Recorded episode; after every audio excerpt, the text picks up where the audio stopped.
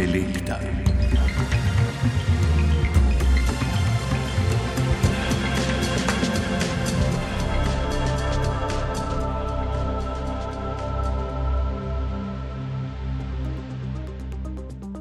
Na seznamu desetih mest, ki bi lahko zaradi naraščajoče gladine morja do leta 2100 izginila z obličja Zemlje, so med drugim Lagos v Nigeriji, Bangkok na Tajskem, Dhaka v Bangladešu, Houston v Teksasu, Benetke v Italiji, Rotterdam na Nizozemskem in Džakarta v Indoneziji.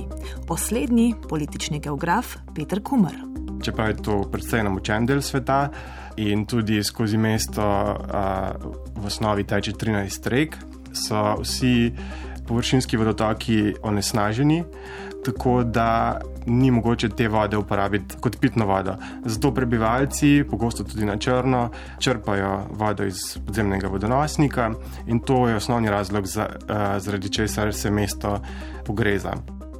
Eden od vzrokov za pogrezanje oziroma zalivanje mest je tudi naraščanje gladine morja, klimatologinja Mojca Dolinar. Koliko bo narasla um, gladina morske vode do leta 2050, je ocena tam nekje med 25 do 32 cm. Ne. Je kar nek velik razpon. Ampak to govorimo za povprečje, ne, za povprečje po celi zemlji. Uh, bodo pa velike razlike med kraji v intelekti, torej o seljenju prestolnic zaradi okoljskih vzrokov, pa tudi o tem, kakšen bo vpliv to vrstnih procesov na slovenska obaljna mesta. Selitev prestolnic ni nov proces poznamo več zgodovinskih primerov, recimo v Združenih državah Amerike, iz New Yorka v Washington, v Maroku iz Feza v Rabat, v Rusiji iz Sankt Peterburga v Moskvo in nazaj. Kaj pa novejši primeri? Teh je od polovice 20. stoletja do danes nekje od 10 do 15, vzroki za selitve so različni. Avstralija je dober primer kompromisa, Canberra je nastala nekje približno na pol poti med Sydneyjem in Melbournom. Brazilija je s selitvijo prestolnice verjetno eden boljših primerov želje po enakomernem gospodarskem razvoju. Poenotenje naroda je vzrok, ki je povzročil selitev prestolnic v Afriki, kjer so bile v času kolonializma glavna mesta večinoma ob obali, na kar so jih po propadu kolonialnih imperijev začeli seliti v notranjost. Kazahstan je selitev prestolnice doživel v 90-ih. Razlog? Utrditev oblasti takratnega predsednika. Potem so tu še okoljski vzroki. Ti predstavljajo razlog za selitev prestolnic, ki se mu posvetimo v današnji intelekti. Pri tem nam bosta pomagala sogovornika, klimatologinja Mojca Dolinar iz Agencije Republike Slovenije za okolje in dr. Petr Kumer, politični geograf z Mediteranskega inštituta za okoljske študije znanstveno-raziskovalnega središča Koper.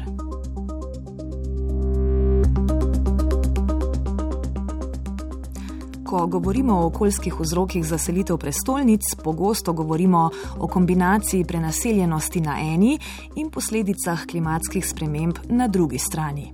Ampak pojdimo od začetka. Kateri vzroki sploh so tisti, ki jih lahko opredelimo kot okoljske? Mojca Dolinar. Podnebne spremembe so pravzaprav eden tistih glavnih vzrokov, ali pa mogoče v zadnjih letih tudi najbolj pogostih vzrokov okoljskih, ki, so, um, ki povzročajo največje pritiske uh, na to, da se mora prebivalstvo iz določenih uh, delov uh, izseliti. Posledice podnebnih sprememb uh, so recimo največji pritisk, je sigurno uh, dvig morske gladine. Potem so še drugi vzroki za poplave, recimo meteorna voda, um, drugačne poplave, poplave rek, pa tudi drug nasproten hidrološki fenomen suše. Ti niso mogoče na prvo žogo najbolj um, zelo neposreden vzrok za um, migracije, ampak povzročajo to, da imamo pomankanje teh osnovnih virov, ki jih potrebujemo, sprav pitne vode in pa hrane, ne, na to vplivajo. Potem pa vedno bolj pogost vzrok je tudi uh, vročina, vročinski valovi, um, ki imajo posebej v naseljenih velikih prestolnicah, lahko postane zelo hud javno zdravstven problem. Na to pa tudi um, drugi vzroki, ki pa niso direktno povezani s podnebnimi spremembami, uh, recimo okoljski vzroki, so tudi unesnažen zrak, ki je v določenih prestolnicah lahko res že zelo, zelo hud problem za uh, zdravje ljudi. Uh, in pa tudi uh, geološki vzroki, se pravi gibanje naše zemlje, zemljske skorjene, ki pa pripeljejo potem do tega, da ali je zemlja eh, oziroma eh, podlaga nestabilna ali se giblje in tako naprej. Zdaj ste pravzaprav na lep način razložili, da so okoljski vzroki tisti, ki izhajajo iz okolja, se nanašajo na okolje, niso to nujno samo podnebni vzroki. Uh, seveda, da. Ni, ve, večinoma so ali pa so povezani. Največkrat je tako, da je več vzrokov, drug na drugega vplivajo, ali pa skupek teh različnih vzrokov pripelje do tako velikih pritiskov, da je potem migracija nujna. Ne? Migracija, moramo pa vedeti, je pa nekak skrajni ukrep. Ne? Gre torej za kompleksno problematiko, za izjemno pisane in večplastne pritiske. Zato bo morda najbolje, da poskušamo okoljske razloge, ki pripeljajo do končne politične odločitve za selitev glavnega mesta države, pojasniti kar na primeru. Džakarta je izjemno prenaseljena indonezijska prestolnica, ki se nahaja na severozahodu otoka Java. Pravzaprav je med najbolj gosto poseljenimi mesti na svetu. Petr Kumar. V samem mestu živi 10 milijonov ljudi in skupaj z metropolitanskim območjem ne bi bilo teh ljudi še trikrat več. To povzroča seveda veliko onesnaženje, tako um, vode, tal kot uh, seveda ozračja. Ampak specifičen problem v Džakarti je pogrezanje. In glavni razlog za pogrezanje je črpanje vode iz podzemnih vodonosnikov. Čeprav je to predvsej namočen del sveta in tudi skozi mesto v osnovi teče 13 rek, so vsi površinski vodotoki onesnaženi, tako da ni mogoče te vode uporabiti za kot pitno vodo. Zato prebivalci, pogosto tudi na črno, črpajo vodo iz podzemnega vodonosnika in to je osnovni razlog, za, uh, zaradi česar se mesto pogreza. Potem pa je seveda tukaj še um, dvigovanje uh, gladine uh, morja, kar je posledica podnebnih sprememb zaradi uh, poprečnega dviga globalne temperature, uh, ker namreč zaradi tega se. Uh, talijo ledeniki um, na severni in južni polobli, pa tudi uh, morska voda se zaradi fizikalnih lasnosti širi, s tem, ko uh, se temperatura vode dviguje. Torej, črpanje potalnice do take mere, da je podlaga nestabilna in se ozemlje ugreza, čemu prištejemo še dvig gladine morja na globalni ravni. Uh, in ta skupni vzrok potem zelo, zelo pospeši to pogrezanje ali pa zalivanje ne, prestolnice um, in je bistveno odstopa recimo od kakšnih drugih mest, kjer imajo podobne probleme. Se pravi, kombinacija pogrezanja, uh, potem dviga gladine morske vode, uh, pa tudi um, poplav, ki so zaradi podnebnih sprememb uh, vse pogostejše in so v bistvu posledica ciklonov v kombinaciji z visoko plimo. Poplave so se seveda dogajale tudi že v preteklosti, ampak zaradi podnebnih sprememb se njihova pogostost povečuje. Ker indonezijsko prestolnico obdajajo monsunske reke, segrevanje ozračja pa nevihtam dodaja dodaten naboj, obeti za prebivalce niso dobri. Džakarta je eno izmed najhitreje pogrezajočih se mest na svetu. Na leto naj bi se, glede na zadnje znane projekcije, pogreznila za kar neverjetnih 25 cm. 25 cm na leto je ogromno, je zares ogromno. Če samo mogoče za, za občutek, ne? Piran, ki je nam slovencem najbližje in poznamo recimo težave z zalivanjem morske vode um, je ta največja ali pa um, ja, najvišja morska gladina, ki je bila zabeležena v času meritev, je 92 cm nad tisto mejno črto, ki pove, aha, recimo to je 300 cm nad tisto ničlo, ki je določena, takrat imamo težave. Ne?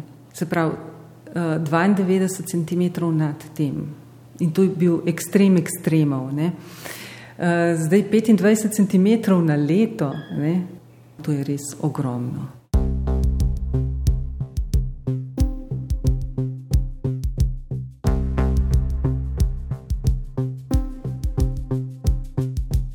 Najprej moramo vedeti, ne, da um, to zalivanje ni konstantno, ne, gladina ni konstantna.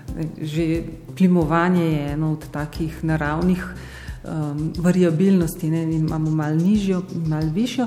Zraven pa potem so tudi um, vremenski vzroki. Ne, včasih ob nižjem zračnem tlaku, recimo naraste morska gladina, ob večjem valovanju, ob določenih vetrovih in tako naprej. Tako da, um, so neke normalne, normalna stanja in pa zelo povečana. In ta, takrat, uh, ko so povečana stanja, običajno še bolj zaliva in pri dvigu morske gladine, hkratnem pogrezanju, pride bistveno bolj pogosto do teh zelo skrajnih uh, vplivov. Se pravi, da ne samo, da imamo malo vode, ampak da so res poplavljene, recimo ulice in tako naprej. Druga zadeva, ki je tukaj za izpostaviti, ne, pa ni samo zalivanje, ampak pri nestabilni podlagi se potem tudi konstrukcije nestabilne, ne, pride do, do, podobno kot pri potresih, ne, do vpliva na same konstrukcije, ki se začnejo pokati, uh, podirati. Ne. Do leta 2050 naj bi tako bila pod vodo že kar četrtina indonezijske prestolnice. A lokalno prebivalstvo se že zdaj sooča s premembami, ki grobo posegajo v njihov dosedanji način življenja. Najbolj je na udaru ribiško eh, prebivalstvo, ker je, so to ljudje, ki morajo v bistvu živeti ob eh, obali, da se lahko ukvarjajo s svojo dejavnostjo. In naselja ob obali so v bistvu pod vodo. To začasno rešujejo s tem, da, da gradijo pač uh, uh, nove naselja, da, da dvigujejo svoje, svoje hiše, to, sve, to so preproste, um, preproste kolibe. So pa tudi na ravni mesta že sprejeli ukrep gradnje protipoplavnega uh, zidu in sicer, tukaj nekaj imam podatek, um, mislim, da bi moral biti ta zid um, dolg uh, več kot uh, 100 km, ampak je do zdaj bilo zgrajenega 10 km. Seveda je učinkovit, vendar uh, samo pogojno, v navednicah rečeno. Kaj ti uh, poplave oziroma pogrezanje mesta, poplavljanje mesta samo upočasnjuje. Namreč ta zid se enako kot mesto pogreza, tako da so tudi že med samo gradnjo morali uh, zviševati sam zid kar je bil tudi eden izmed razlogov, zakaj je ta projekt trajal tako dolgo, oziroma še vedno traja. Ja, to je pa drug, uh, druga posledica dviga morske gladine. Um, ima pa zelo velik vpliv na prehrano, na prehransko varnost. Ta območja okrog mest, ki so pravzaprav lahko rečemo. Um, Skrbijo za prehrano v mestih, postajajo prvič močvirja ne, in neprimerna za kmetijstvo, pa tudi slana so. Ne, in zaradi tega je pravzaprav pridelava hrane uh, nemogoča v takih uh, razmerah. Ne. Slana voda oziroma sol udira tudi v reke in vpliva tako na oskrbo s pitno vodo, kot tudi na naravno ravnovesje in ekologijo teh območij. Lokacija nove indonezijske prestolnice je določena na otoku Borneo. Tja se bo najprej preselil državni aparat. Klimatologinjo Mojco Dolinar izbor tega še dokaj prvinskega otoka in politični geograf Peter Kumar se z njo seveda strinja, skrbi. A prav zaradi te prvinskosti in ohranjenosti narave je seveda naravnih virov, predvsem pitne vode, tam dovolj. Otok uh, Borneo velja za uh, manj poseljenega. Uh, nahaja se bolj v sredini državnega teritorija, kar z vidika oblasti pomeni lažje obvladovanje državnega teritorija. Hkrati otok ni izpostavljen poplavam, pa drugim naravnim nesrečam, kot so potresi in vulkansko delovanje.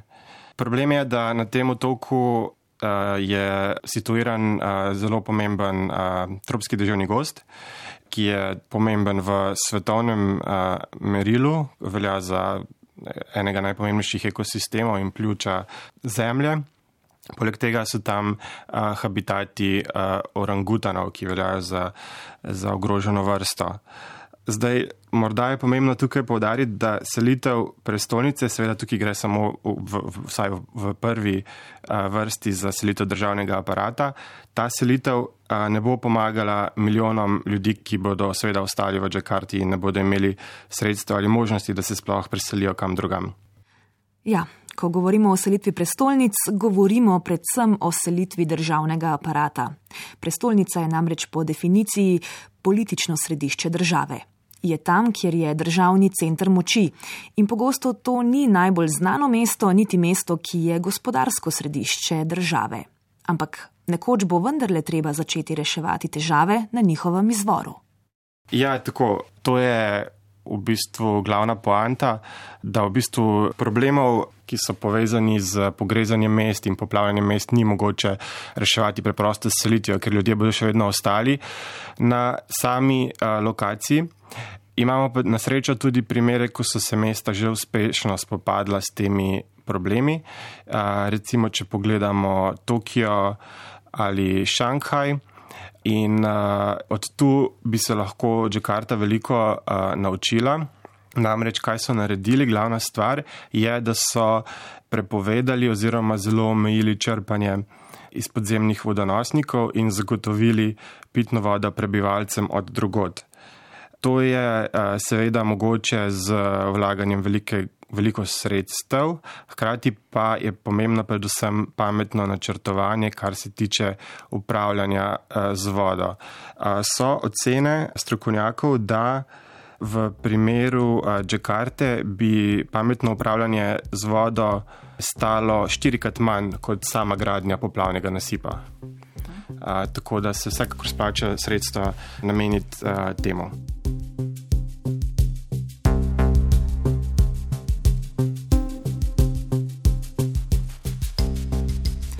Zdi se, da bodo zaradi tega pojava, dvigovanja morske gladine, najbolj ali najprej ogrožena azijska in afriška mesta. Eden od vzrokov za to je zgodovina teh mest oziroma njihova lokacija. Gradili so jih pač ob vodi. Ja, tako je. Zdaj, vzroka sta dva. Prvega, tega, ki ste ga omenili, se pravi, pravzaprav posod na svetu, tako da so se naselja razvijala ob vodah ker je bila um, nujen vir za preživetje in hkrati tudi za pridelavo hrane. In ob rekah je bilo dovolj virov za um, širjenje ne, populacije, po drugi strani uh, so to tudi ravninski predeli, ki so dokaj enostavni za pridelavo hrane, ne, bistveno bolj kot uh, strma pobočja. Uh, In odtot ta uh, zgodovinski um, vidik razvoja. Ne. So pa azijska in um, afriška mesta zelo specifična tudi zato, ker so zelo, zelo gosto poseljena, ne. ker je prebivalstvo tam tako množično in pravzaprav na isti površini je tam bistveno več ljudi ogroženih kot mogoče kje uh, druge, recimo v Evropi. Mhm. Ja, jaz se strinjam s tem, da so najbolj ogrožena afriška in azijska mesta.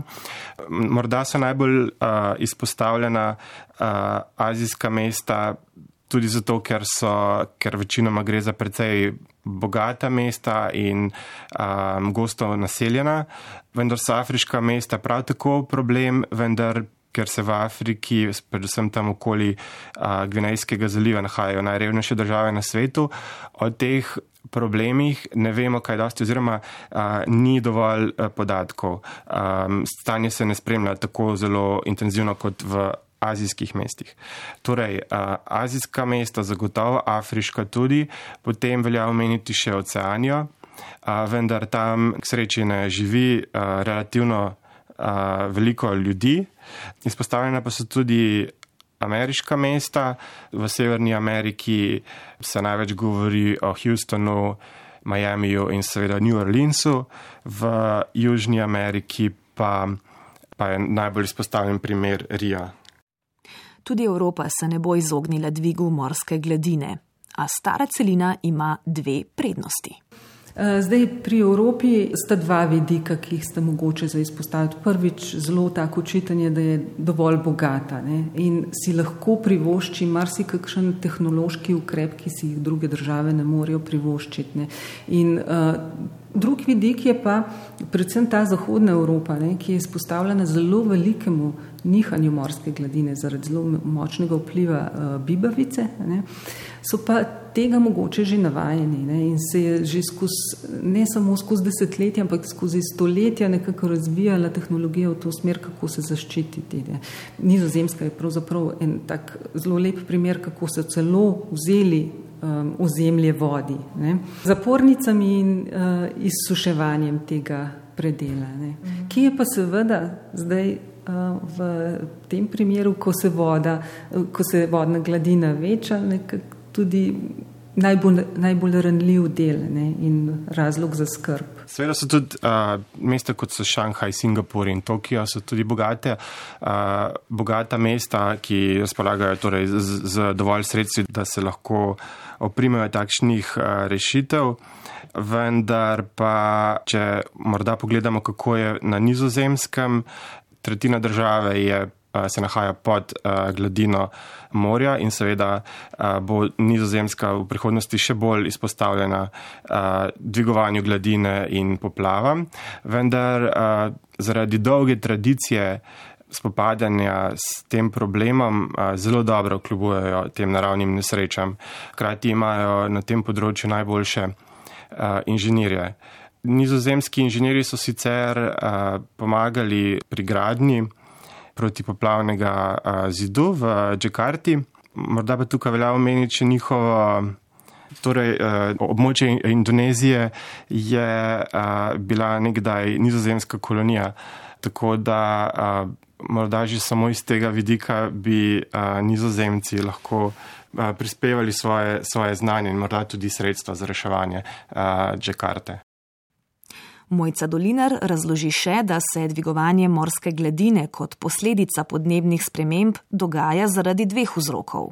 Prvi vzrok je, da se um, temperature vode dviga, zaradi tega, ker um, pravzaprav morje večino tiste energije, ki je dodatno ujeta na zemlji, absorbira ne, in zaradi tega se temperatura dviga. Pri višji temperaturi ima pa voda večji volumen. In to je pravzaprav 50% vzroka, zakaj se morska gladina dviga. Ne.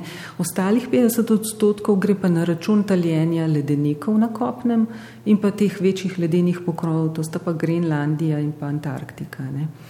Medtem ko pa taljenje morskega ledu ne, pa ne prispeva k dvigu morske gladine, ker tisti led, ki plava na, na morju, pravzaprav, ko se stali, zauzame enak volumen, kot um, ga je prej, ne, ko je bil še let.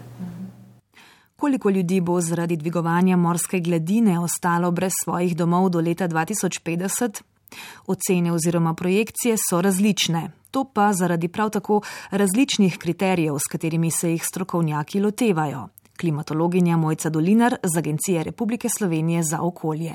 En kriterij je recimo kriterij, da eh, ljudje, ki živijo do 10 metrov nadmorske višine, so nekako ogroženi ne za stalno izgubo svojega doma, ampak eh, da so podvrženi tem vsaj ekstremnim dogodkom v zvezi z morjem. Eh, in to je danes ocenjeno na okrog 11-12 odstotkov prebivalstva svetovnega, kar je zelo, zelo veliko. Ne.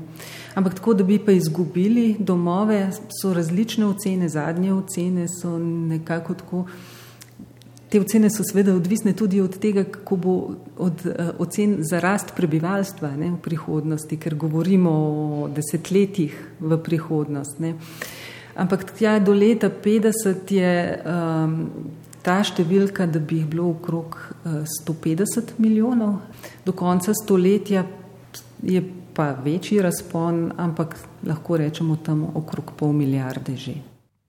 Besedna zveza, podnebni begunec, že dolgo ni več novost. A politični geograf Peter Kumar z Mediteranskega inštituta za okoljske študije znanstveno-raziskovalnega središča Koper ob tem opozarja, da gre za kategorijo, ki še ni pravno urejena.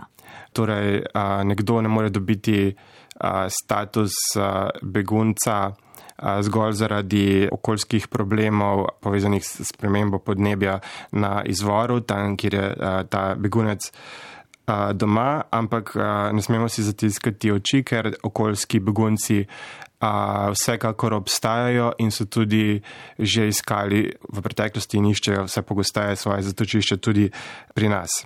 Torej, to so begunci, ki ne morejo več živeti na svojem na svoji državi, na svojem območju zaradi naravnih nesreč, ki so vse pogostejše zaradi podnebnih sprememb, torej suše, poplave in tako naprej. Elastičnost zemlje pa je razlog, da ima težave s pogrezanjem tudi, ne boste verjeli, ameriška prestolnica Washington. Glede na raziskave iz leta 2015 naj bi se v stotih letih pogreznil za 15 cm. In tako kot pri Džakarti je tudi tu več dejavnikov, ki vplivajo na to pogrezanje. Eh, Washington je primer um, posledic zadnje ledene dobe, ne? Nekako zadnja teorija, ki je povezana z um, obrazložitvijo, kaj se v Washingtonu dogaja. Namreč se prav tako pogreza ne? ta, ta del, pravzaprav ne samo v Washingtonu, ampak uh, del te uh, vzhodne obale. Pogreza se pa eh, zaradi tega, ker je med zadnjo ledeno dobo ne, območje v tem zaledju prekrival ledenik. Lahko si predstavljamo, da je ta zopet neko um, elastično kroglico ne, in ledenik, ki se seveda premika, vsak ledenik, vsak leden pokrov se premika, je s svojim čelom to z, um, zemljsko skorjo nagubal, potiskal jo je naprej, eno gubico je naredil pred, pred svojim čelom, ne? se pravi, je dvig, dvignil tam uh, področje. Ne? Ko se je pa umaknil, ko se je stalil, pa ta gubica nazaj skoči, ne seveda naenkrat, ampak počasi ne, se ravna, se pravi, se niža in to je pa. To posledico pa še danes čutimo, pravi, da se tam zemljska skorja nekako niža. Ne temu pojavu se reče, recimo, temu postglacialni odboj ali v angleščini forbulge collapse. Ampak tukaj, ko eh, recimo se bo pač sploščilo oziroma se bo ta zemlja nekako zravnala na, na prejšnjo višino, potem se bo nehalo pogrezanje. V bistvu ja, ampak eh, to se bo dogajalo vse, dokler se bodo ledeniki umikali, torej dokler se ne stalijo vsi, eh, vsi ledeniki. To pa je zdaj vprašanje časa ni še povsem jasno, kdaj se bo to zgodilo. Mhm. Odvisno seveda tudi od globalnega dviga temperature in tako naprej. Hkrati pa seveda kot posledica narašča tudi morska gladina. Poleg tega, ne, uh, poleg tega naravnega procesa, ki je povezan z umikom ledenikov, pa je sam Washington uh, preko zaliva Chesapeake in uh, izliva reke Potomac uh, izpostavljen tudi poplavam. Uh, iz morja, tako kot vsa druga obaljna mesta po svetu.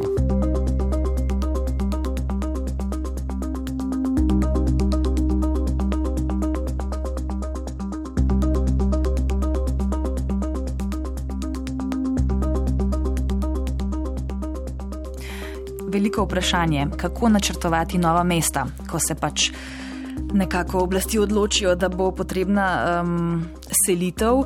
Težava je v tem, da ponavadi se ne govori o tem, uh, da bi se zadovoljilo potrebam ljudi in da bi bila ta mesta trajnostna. Pač prvi, prvi vzrok je pravzaprav, kot sva rekla, selitev državnega aparata in pa neki skaz moči.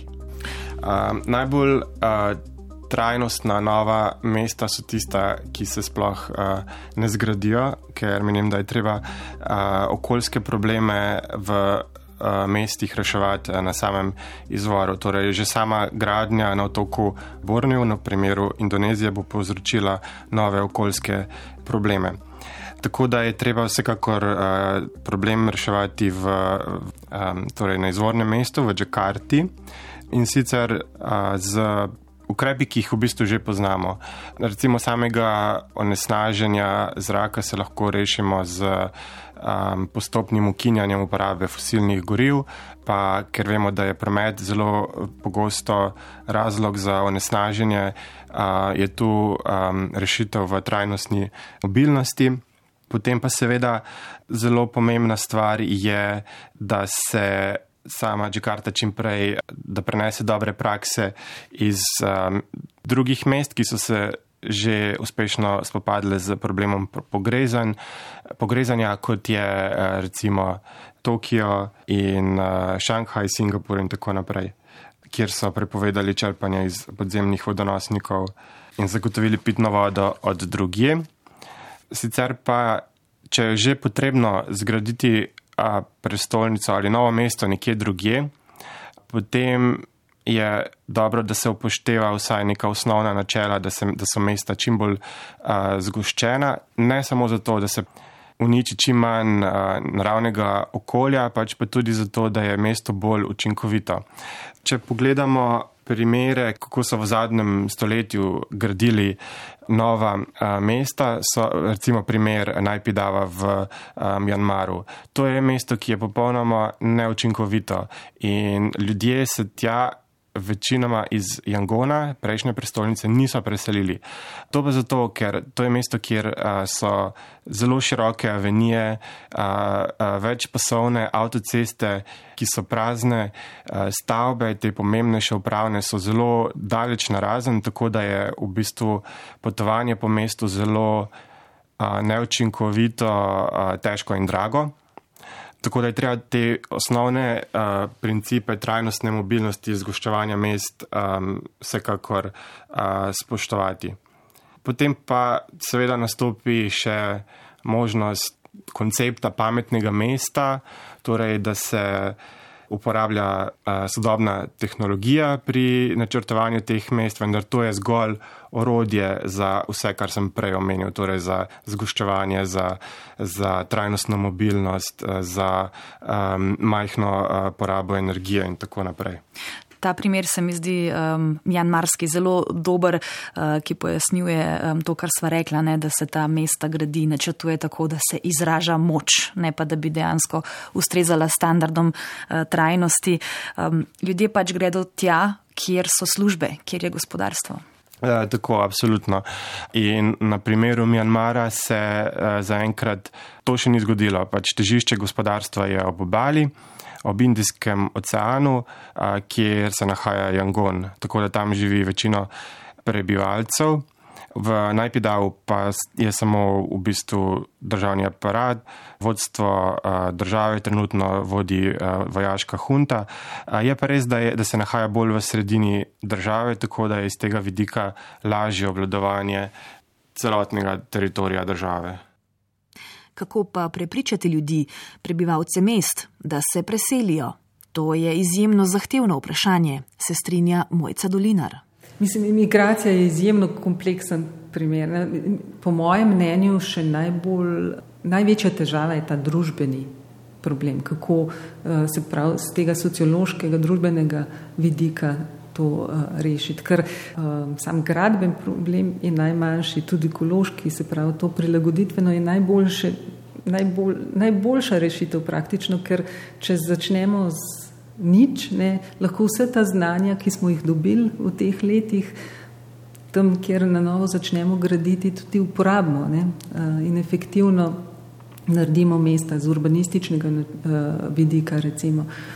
Ampak ta družbeni problem uh, je pa bistveno hujši. Ne? Kaj pa, če bi se lotili reševanja težav najprej na izvoru, rešitve bi morale biti prilagojene posameznim mestom, začne Mojca Dolinar. Najboljše rešitve so namreč tiste, ki so prilagojene lokalnemu okolju. Teh rešitev je pravzaprav zelo veliko, je pa vedno v mestih, mogoče to za izpostaviti, je težko, ker je nekako že zatečena situacija in v takih primerih je zelo, zelo težko včasih reševati, brez da bi tudi del prebivalstva na koncu koncev prizadeli. Ne. So pa seveda rešitve, ja, pogozdovanje ali zasajevanje je sigurno nek način, ki preprečuje recimo erozijo. Po drugi strani, da, da preprečimo recimo vdor vode, meteorne vode. Veliko krat je rešitev, um, da damo vodi prostor pred mestom, se pravi, da se tam razlije. Se pravi, ja, odvisno od, tudi od lokalnih okoliščin, koliko imamo manevrskega prostora za take rešitve. Ne. Eh, podobno tudi za vročino, ne, ki bo en tak primer, je ozelenjevanje mest. Ne. Tukaj moramo vedeti, da eno samo drevo pač ne bo rešilo težav, ne. vedno mora biti to mal večja zelena površina, če je le možno. Tako da um, rešitev je kar nekaj. Ne. Tudi tukaj tehnologija nam pomaga, ne. ker vsako desetletje gremo kar lahko za velike korake naprej. Ampak zopet je pa tukaj to, kar sem že prej izpostavila, nekoliko problem bogatstvo same države, ne. koliko je premožna, koliko teh tehnoloških rešitev si sploh lahko privošči. Peter Kumar še enkrat povdari pomembnost upravljanja s pitno vodo in zagotavljanjem lete vsem prebivalcem, sicer se bo še naprej dogajalo prekomerno črpanje iz podzemnih vodonosnikov. Potrebno je tudi zagotoviti učinkovito odvodnjavanje, se pravi učinkovit drenažni sistem, ker tudi vse pogostejši pojav nalivov povzroča samo pogrezanje in erozijo. Potem je treba rešiti uh, težave z uh, kanalizacijo, torej prečiščevanje vode, pa seveda problem s smetmi, ki je eden od razlogov, zakaj so, recimo v Džakarti, zakaj so reke, tistih 13 rek, zakaj je uh, onesnaženih in neprimernih za izrabo za pitno vodo. In ja, potem so pa seveda še takšni ukrepi kot zasajevanje dreves. Drevesa so zelo pomembna, ker z koreninskim sistemom preprečujejo erozijo tudi protipoplavni nasipi. Um, Najverjetneje niso slaba uh, rešitev in, in bodo v marsikaterih mestih potrebni, zato ker uh, sam proces počasnjujejo in dovolijo mesto, da se pravočasno spopade uh, z problemi uh, dviganja morske gladine in samih poplav. Da morda še nekaj časa pridobi mesto, mm -hmm. ne, da se začne boriti. Um, dolgoročno pa vi pravite, da je skoraj bolje kot eh, izraz boriti se proti klimatskim spremembam, uporabiti izraz prilagoditi se, ker pač smo že tako daleč. Ja, zato ker po vseh scenarijih, tudi najbolj optimističnih, se bo gladina morske vode v naslednjem stoletju dvigovala.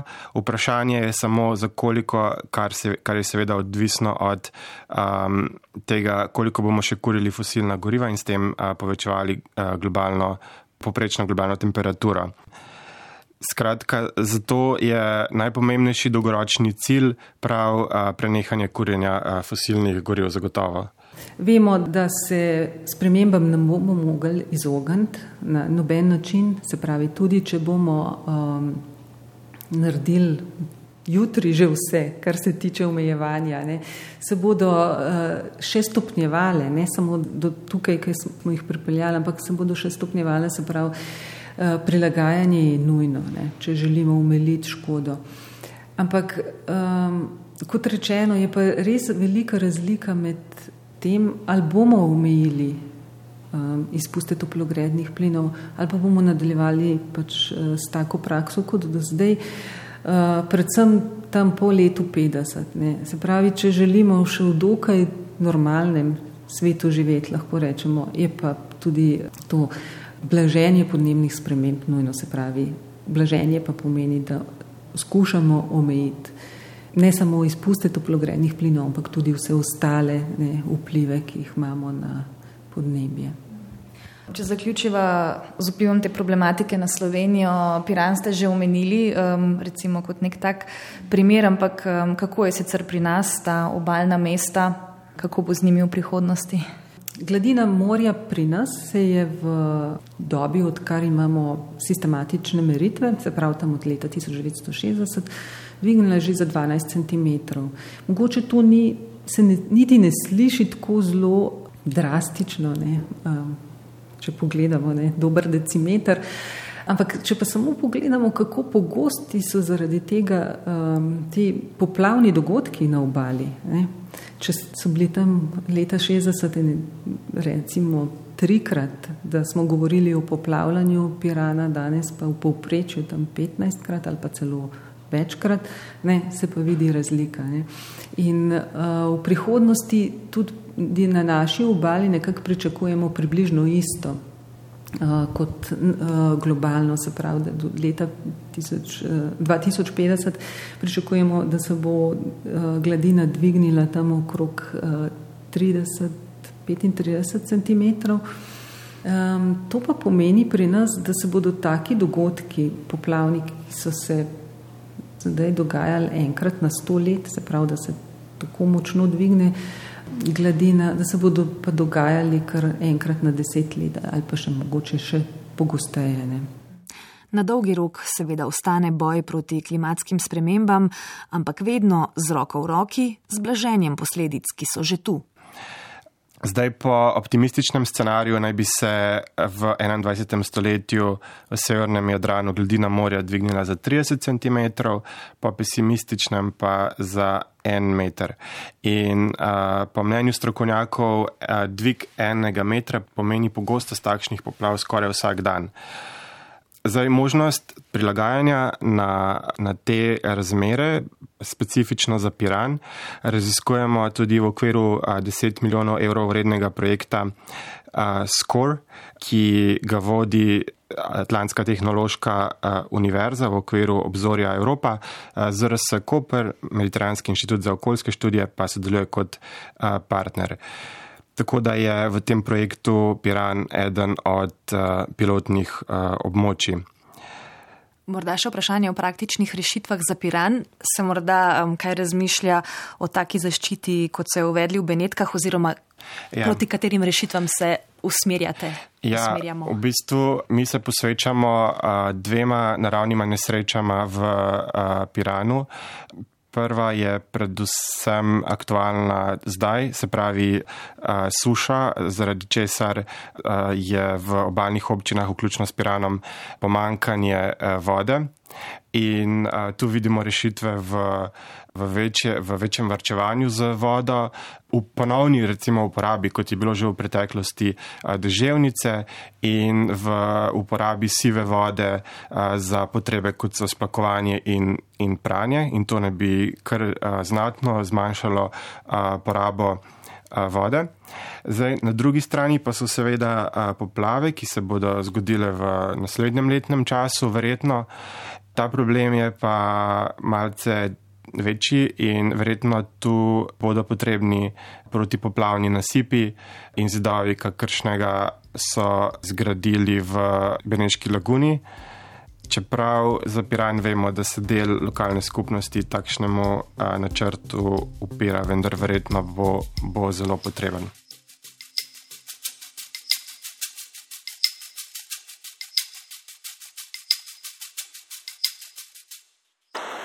Mi živimo v regiji, uh, zelo blizu te mediteranske regije, ki bo izjemno izpostavljena pomankanju pitne vode. Te, uh, pri nas že vidimo, ne, da se za, zaostrujejo sušne razmere južno od nas, bodo pa še bolj, pa že danes so hudi problemi s tem. Tako da lahko uh, v tej regiji pričakujemo velik pritisk zaradi migracije, ravno zato, ker enostavno ne bo pitne vode in tudi hrane. Ne, ne kakšna ironija, kaj ne? Po eni strani bo vode več, mesta bodo ja. poplavljena, po drugi strani pa bo pitne vode premalo. Uh, tako, in to je v bistvu posledica podnebnih sprememb. Teh posledic še ne razumemo povsem v potankosti, ampak domneva se, da se bodo ti dogodki odvijali vse pogosteje in da bodo vse bolj intenzivni. Torej, vse hujše suše na eni strani in vse hujše poplave uh, na drugi, in s tem se v bistvu soočamo že v Sloveniji, v obaljnih občinah, tako da ni to nek problem, ki je tako daleč uh, stran od nas, da nas ne bi zanimal. Letošnje leto oziroma poletje je dober prikaz in opozorilo, kakšni prihodnosti naproti korakamo. Skrajni čas je, da ta korak konkretno upočasnimo.